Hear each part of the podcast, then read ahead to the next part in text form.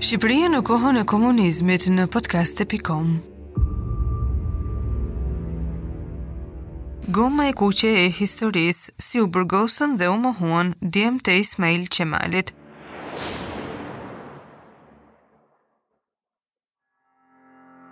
Historia pak e njohur e përndjekjes së djemve dhe pasardhësve të Ismail Qemalit, të cilët gjatë diktaturës u detyruan të ndryshonin edhe mbiemrin. Nuk ka shqiptar që të mos e njohë Ismail Qemalin, por nëse dikush do të pyeste për pasardhësit e tij,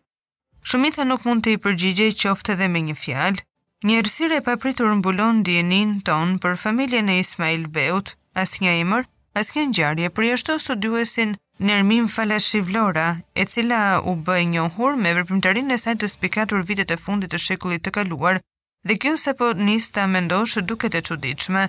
E çuditshme si po mendon për këtë fakt vetëm pas kaq shumë vitesh. Si mund të shuhej në heshtje një prej familjeve më në zë shqiptare, si mund, aq më tepër në një vend të vogël dhe të obsesionuar pas marrëdhënieve familjare si Shqipëria, të mos dihet asgjë për pasardhësit e një prej njerëzve më të rëndësishëm të historisë,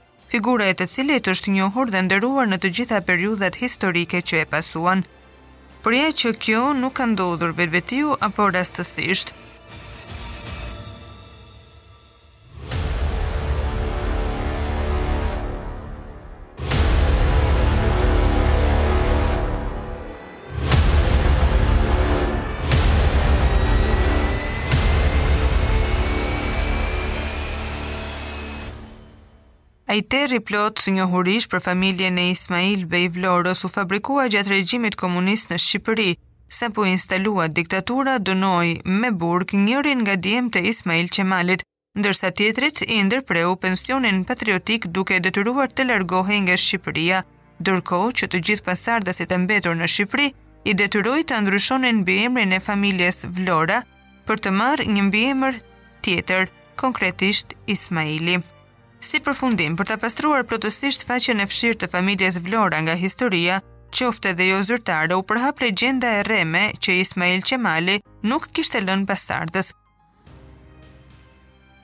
Regjimi komunist përkujtonte burrin që shpalli pavarësinë, por denigronte familjen e tij, madje deri aty sa u tha se Ismail Qemali nuk ishte i martuar dhe nuk trashëgoi fëmijë. Kështu ka thënë në një intervistë para disa viteve nipi i njërit prej nëntë fëmijëve të mohuar të Ismail Qemalit, gjashtë djem dhe tri vajza. djalit të vogël të tij, Qamilit,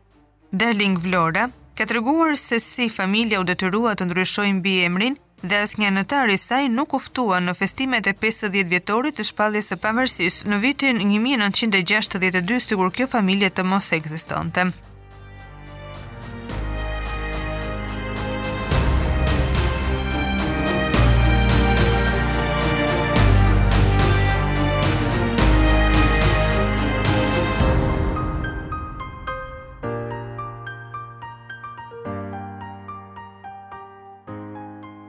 Ismail Qemali me djemtë. Në dhjetor të vitit 1946, Qamil Vlora, një intelektual mendjehapur që njihte 12 gjuhë të huaja, e arrestuan me akuzën e armëmbajtjes pa leje dhe e dënuan me 12 vjet burg, kohë në të cilën ai u sëmur me tuberkulozën dhe vdiq pak kohë pas daljes nga burgu. Shumë më tepër sesa për fushën e çarmatosjes, ky dënim flet për fushatën e spastrimit të vendit nga familjet me ndikim dhe sigurisht që asnjë nuk mund të krahasohej me Vlorajt për vetë rolin që kishte luajtur Ismail Beu, të cilin edhe shteti i ri komunist ishte i detyruar ta nderonte. Në dukje, ndaj edhe dënimin e djalit të tij e maskuan, siç tregojnë dokumentat zyrtare dhe siç dëshmon nipi tjetër i Qamil Vlorës, në dokumentarin e Fatos Veliut, kur burgosnim djemtë e Ismail Qemalit në shkresat e mëvonshme të dënimit të tij,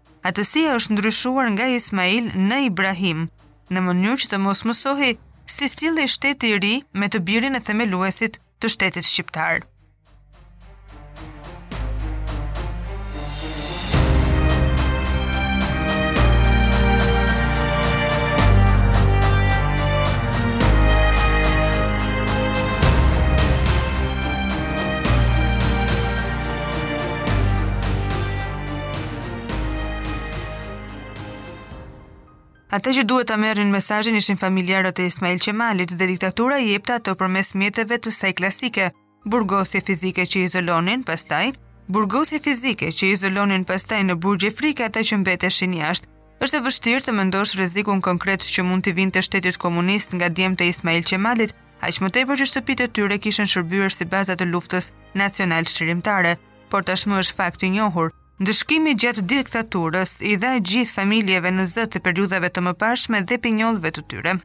Shumica e tyre u shpallën armiq, këtë diktatura s'mund ta bënte me familjen e Ismail Qemalit por fshehtas edhe atë e ndëshkoi si gjithë familjet e tjera të rëndësishme. Që dënimi i Qamil Vlorës nuk ishte masë e një shteti ligjor kundër armëmbajtjes, provon edhe fakti që në fund të jetës së tij, kur kërkoi për të takuar djalin që e kishte ushtar, këtij nuk i dhanë leje për të shkuar tek i ati.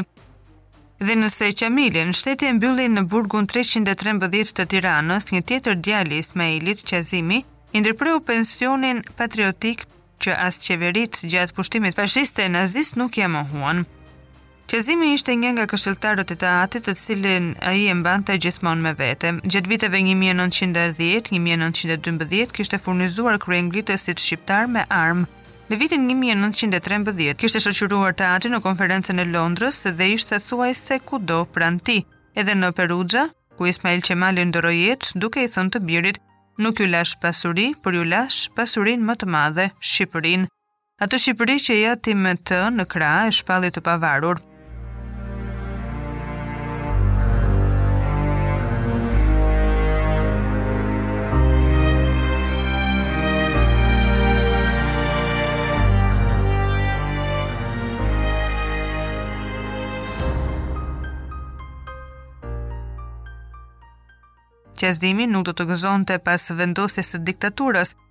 Atij iu ndërpre pensioni patriotik nga qeveria dhe kur shkoi të ballafaqohej me Enver Hoxhën për t'i thënë që ai pension i takonte si bir i Ismail Qemalit,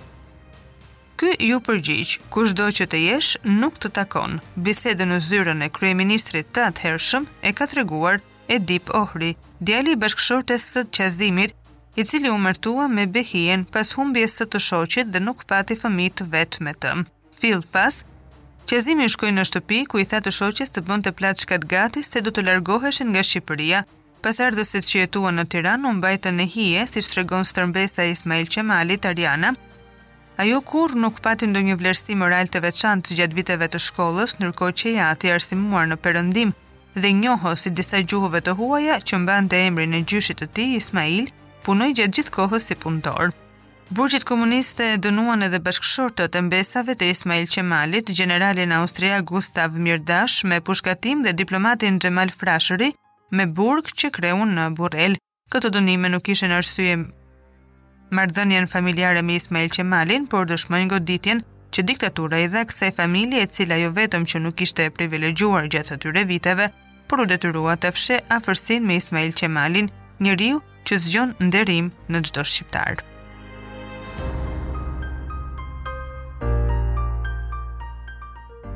Shqipëria në kohën e komunizmit në podcast.com